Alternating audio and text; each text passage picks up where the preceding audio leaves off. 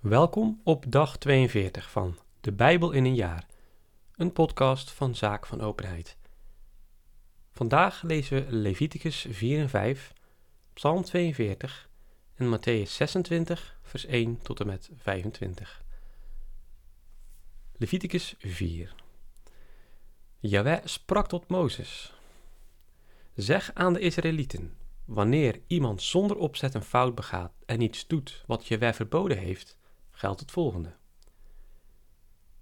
Wanneer de gezalfde priester zondigt en zo schuld op het volk laat, moet hij als zondeoffer voor wat hij verkeerd heeft gedaan een gave jonge stier aan Jahweh offeren.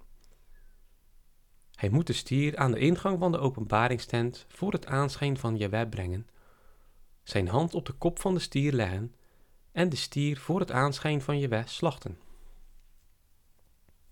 Vervolgens moet de gezalfde priester wat bloed van de stier nemen, het binnen de openbaringstent brengen, zijn vinger in het bloed dopen en zevenmaal voor het aanschijn van Jewe voor het voorhangs van het heiligdom wat bloed sprenkelen.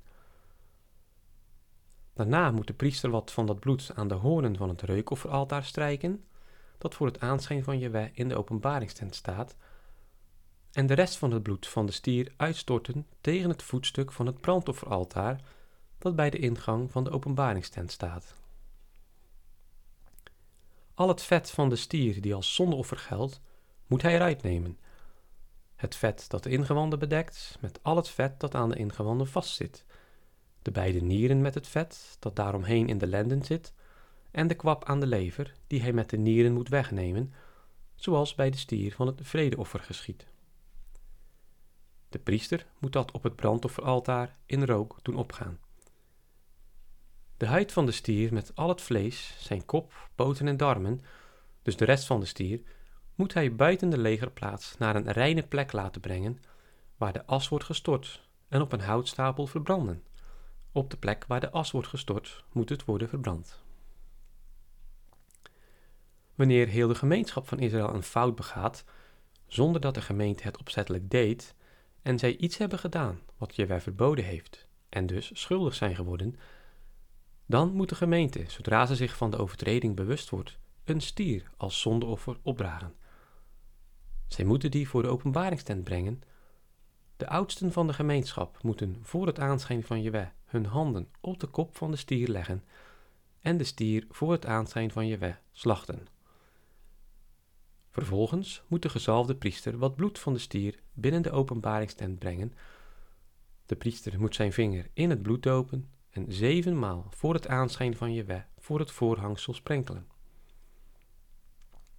Daarna moet hij wat van het bloed aan de hoornen van het altaar strijken, dat voor het aanschijn van Jewe in de openbaringstent staat, en de rest van het bloed uitstorten tegen het voetstuk van het brandofferaltaar, dat bij de ingang van de openbaringstent staat. Al het vet moet hij eruit nemen en op het altaar in rook doen opgaan. Verder moet hij met de stier doen zoals hij met de stier van het zondeoffer gedaan heeft. Zo zal de priester verzoening voor hen verkrijgen en zal hun vergiffenis worden geschonken. Hij moet de stier buiten de legerplaats laten brengen en hem verbranden, zoals hij de vorige stier heeft verbrand. Dit is het zondeoffer voor de gemeente. Wanneer een stamhoofd een overtreding begaat en zonder opzet tegen een of ander gebod van Jewe zijn God misdoet en dus schuld op zich laat, moet hij, zodra hij zich zijn overtreding bewust wordt, een geitenbok zonder gebrek als offer opdragen. Hij moet zijn hand op de kop van de bok leggen en die slachten op de plaats waar men voor het aanschijn van Jewe het brandoffer slacht. Het is een zondeoffer. Vervolgens moet de priester met zijn vinger wat bloed van het zondeoffer nemen, het aan de hoornen van het brandofferaltaar strijken en het bloed uitstorten tegen het voetstuk van het brandofferaltaar.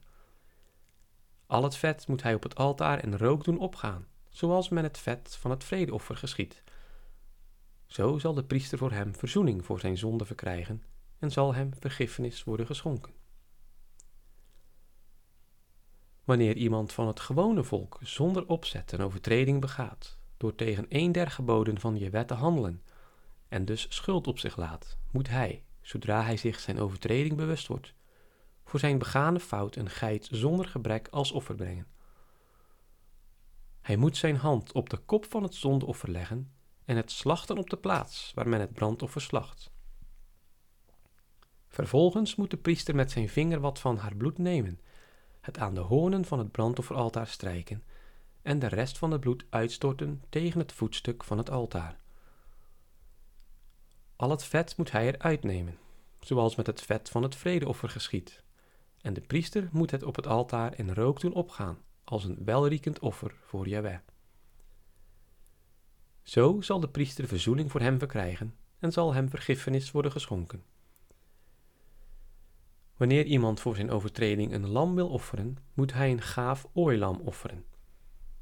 Hij moet zijn hand op de kop van het zondeoffer leggen en het als zondeoffer slachten op de plaats waar men het brandoffer slacht.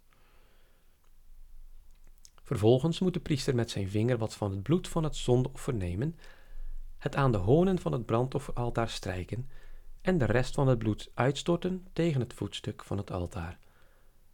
Al het vet moet hij eruit nemen, zoals met het vet van het lam voor een vredeoffer geschiet. En de priester moet het op het altaar in rook doen opgaan, tegelijk met de vuuroffers van Jahweh. Zo zal de priester voor hem verzoening voor zijn overtreding verkrijgen en zal hem vergiffenis worden geschonken. Leviticus 5 Wanneer iemand zondigt door geen verklaring af te leggen, als hij onder bedreiging met vloek wordt opgeroepen, of schoon hij als getuige kan optreden, omdat hij het zelf heeft gezien of er kennis van heeft gekregen, dan laat hij schuld op zich. Of wanneer iemand onbewust iets onreins aanraakt, het zij het kring van een onrein wild dier, van een stuk onrein vee of van onrein gedierte, dan is hij toch onrein en laat hij schuld op zich. Of wanneer iemand onbewust de onreinheid van een mens aanraakt, wat dan ook, iets waardoor men onrein wordt, maar het wordt hem later bekend, dan is hij schuldig. Of wanneer iemand onbewust lichtvaardig zweert iets kwaads of iets goeds te zullen doen, dus al wat een mens ook maar lichtvaardig kan zweren, maar het wordt hem later bekend, dan laat hij in beide gevallen schuld op zich. Wanneer hij dan door één deze dingen schuld op zich heeft geladen, moet hij zijn zonde bekennen en als boete voor de begane misslag als zijn zondeoffer aan Jewe een wijfje uit het kleinvee offeren, een lam of een geitje. Zo zal de priester voor hem verzoening voor zijn zonde verkrijgen en zal hem vergiffenis worden geschonken. Maar wanneer iemand de kosten voor een stuk kleinvee niet kan opbrengen, moet hij als zijn zondeoffer voor wat hij misdeed twee tortels of twee jonge duiven aan Jahweh offeren, de een als zondeoffer, de ander als brandoffer. Hij moet ze naar de priester brengen en deze moet eerst de ene offeren die voor het zondeoffer is bestemd. Hij moet ze de kop vlak bij de nek afknijpen, maar zonder die er helemaal af te trekken. Een weinig bloed van het zondeoffer moet hij tegen de zijde van het altaar sprenkelen en de rest van het bloed moet tegen het voetstuk van het altaar worden uitgeperst. Dit is het zondeoffer. De andere moet hij volgens de vastgestelde regels als brandoffer opdragen. Zo zal de priester voor hem verzoening voor zijn zonde verkrijgen en zal hem vergiffenis worden geschonken. En wanneer iemand ook de kosten voor twee tortels of voor twee jonge duiven niet kan opbrengen, moet hij als zijn zondoffer, voor hetgeen hij misdeed, een tiende eva meelbloem offeren. Hij mag er geen olie op doen en geen wierook aan toevoegen, want het is een zondeoffer. Hij moet het naar de priester brengen. De priester zal er een handvol als reukoffer afnemen en het tegelijk met de vuuroffers voor Jahweh op het altaar in rook doen opgaan. Dit is het zondeoffer. Zo zal de priester voor hem verzoening voor zijn zonde verkrijgen, die hij tegen een deze punten bedreef, en zal hem vergiffenis worden geschonken. De rest zal voor de priester zijn, zoals bij het spijsoffer. Jawes sprak tot Mozes: Wanneer iemand zich vergrijpt en zonder opzet zich iets toe-eigent van wat aan Jaweh is gewijd, dan moet hij voor zijn schuld Jaweh de waarde van een gave ram uit het kleinvee als zijn schuldoffer brengen, geschat in zilveren sikkels volgens het heilige gewicht, Bovendien moet hij vergoeden wat hij zich van de heilige gaven had toegeëigend en er nog het vijfde gedeelte aan toevoegen. Dat moet hij aan de priester geven. Zo zal de priester door de ram van het schuldoffer verzoening voor hem verkrijgen en zal hem vergiffenis worden geschonken. Wanneer iemand onbewust zondigt en iets doet wat Jaweh verboden heeft, is hij toch schuldig en moet hij zijn straf dragen. Hij moet de waarde van een gave ram uit het kleinvee als een schuldoffer naar de priester brengen. De priester zal verzoening voor hem verkrijgen voor wat hij zonder opzet en onbewust misdeed, en hem zal vergiffenis worden geschonken. Het is een schuldoffer, want tegenover Jahweh heeft hij een zware schuld op zich geladen. Psalm 42 Voor muziekbegeleiding een leerdicht van de zonen van Kore. Zoals een hert smacht naar de stromende wateren, zo smacht mijn ziel naar u, o God. Mijn ziel dorst naar God, naar de levende God. Wanneer mag ik opgaan en Gods aanschijn aanschouwen? Dag en nacht zijn de tranen mijn brood, omdat mij almaar gezegd wordt: Waar blijft toch uw God? Ik denk er met diepe weemoed aan terug, hoe ik optrok in vorstelijke stoet naar Gods huis, onder gejuich en gejubel en het gejoel van de scharen. Mijn ziel, wat zijt gij bedroefd en wat kreunt gij in mij? Vertrouw toch op God, dan zal ik hem eens mogen danken als mijn helper en God.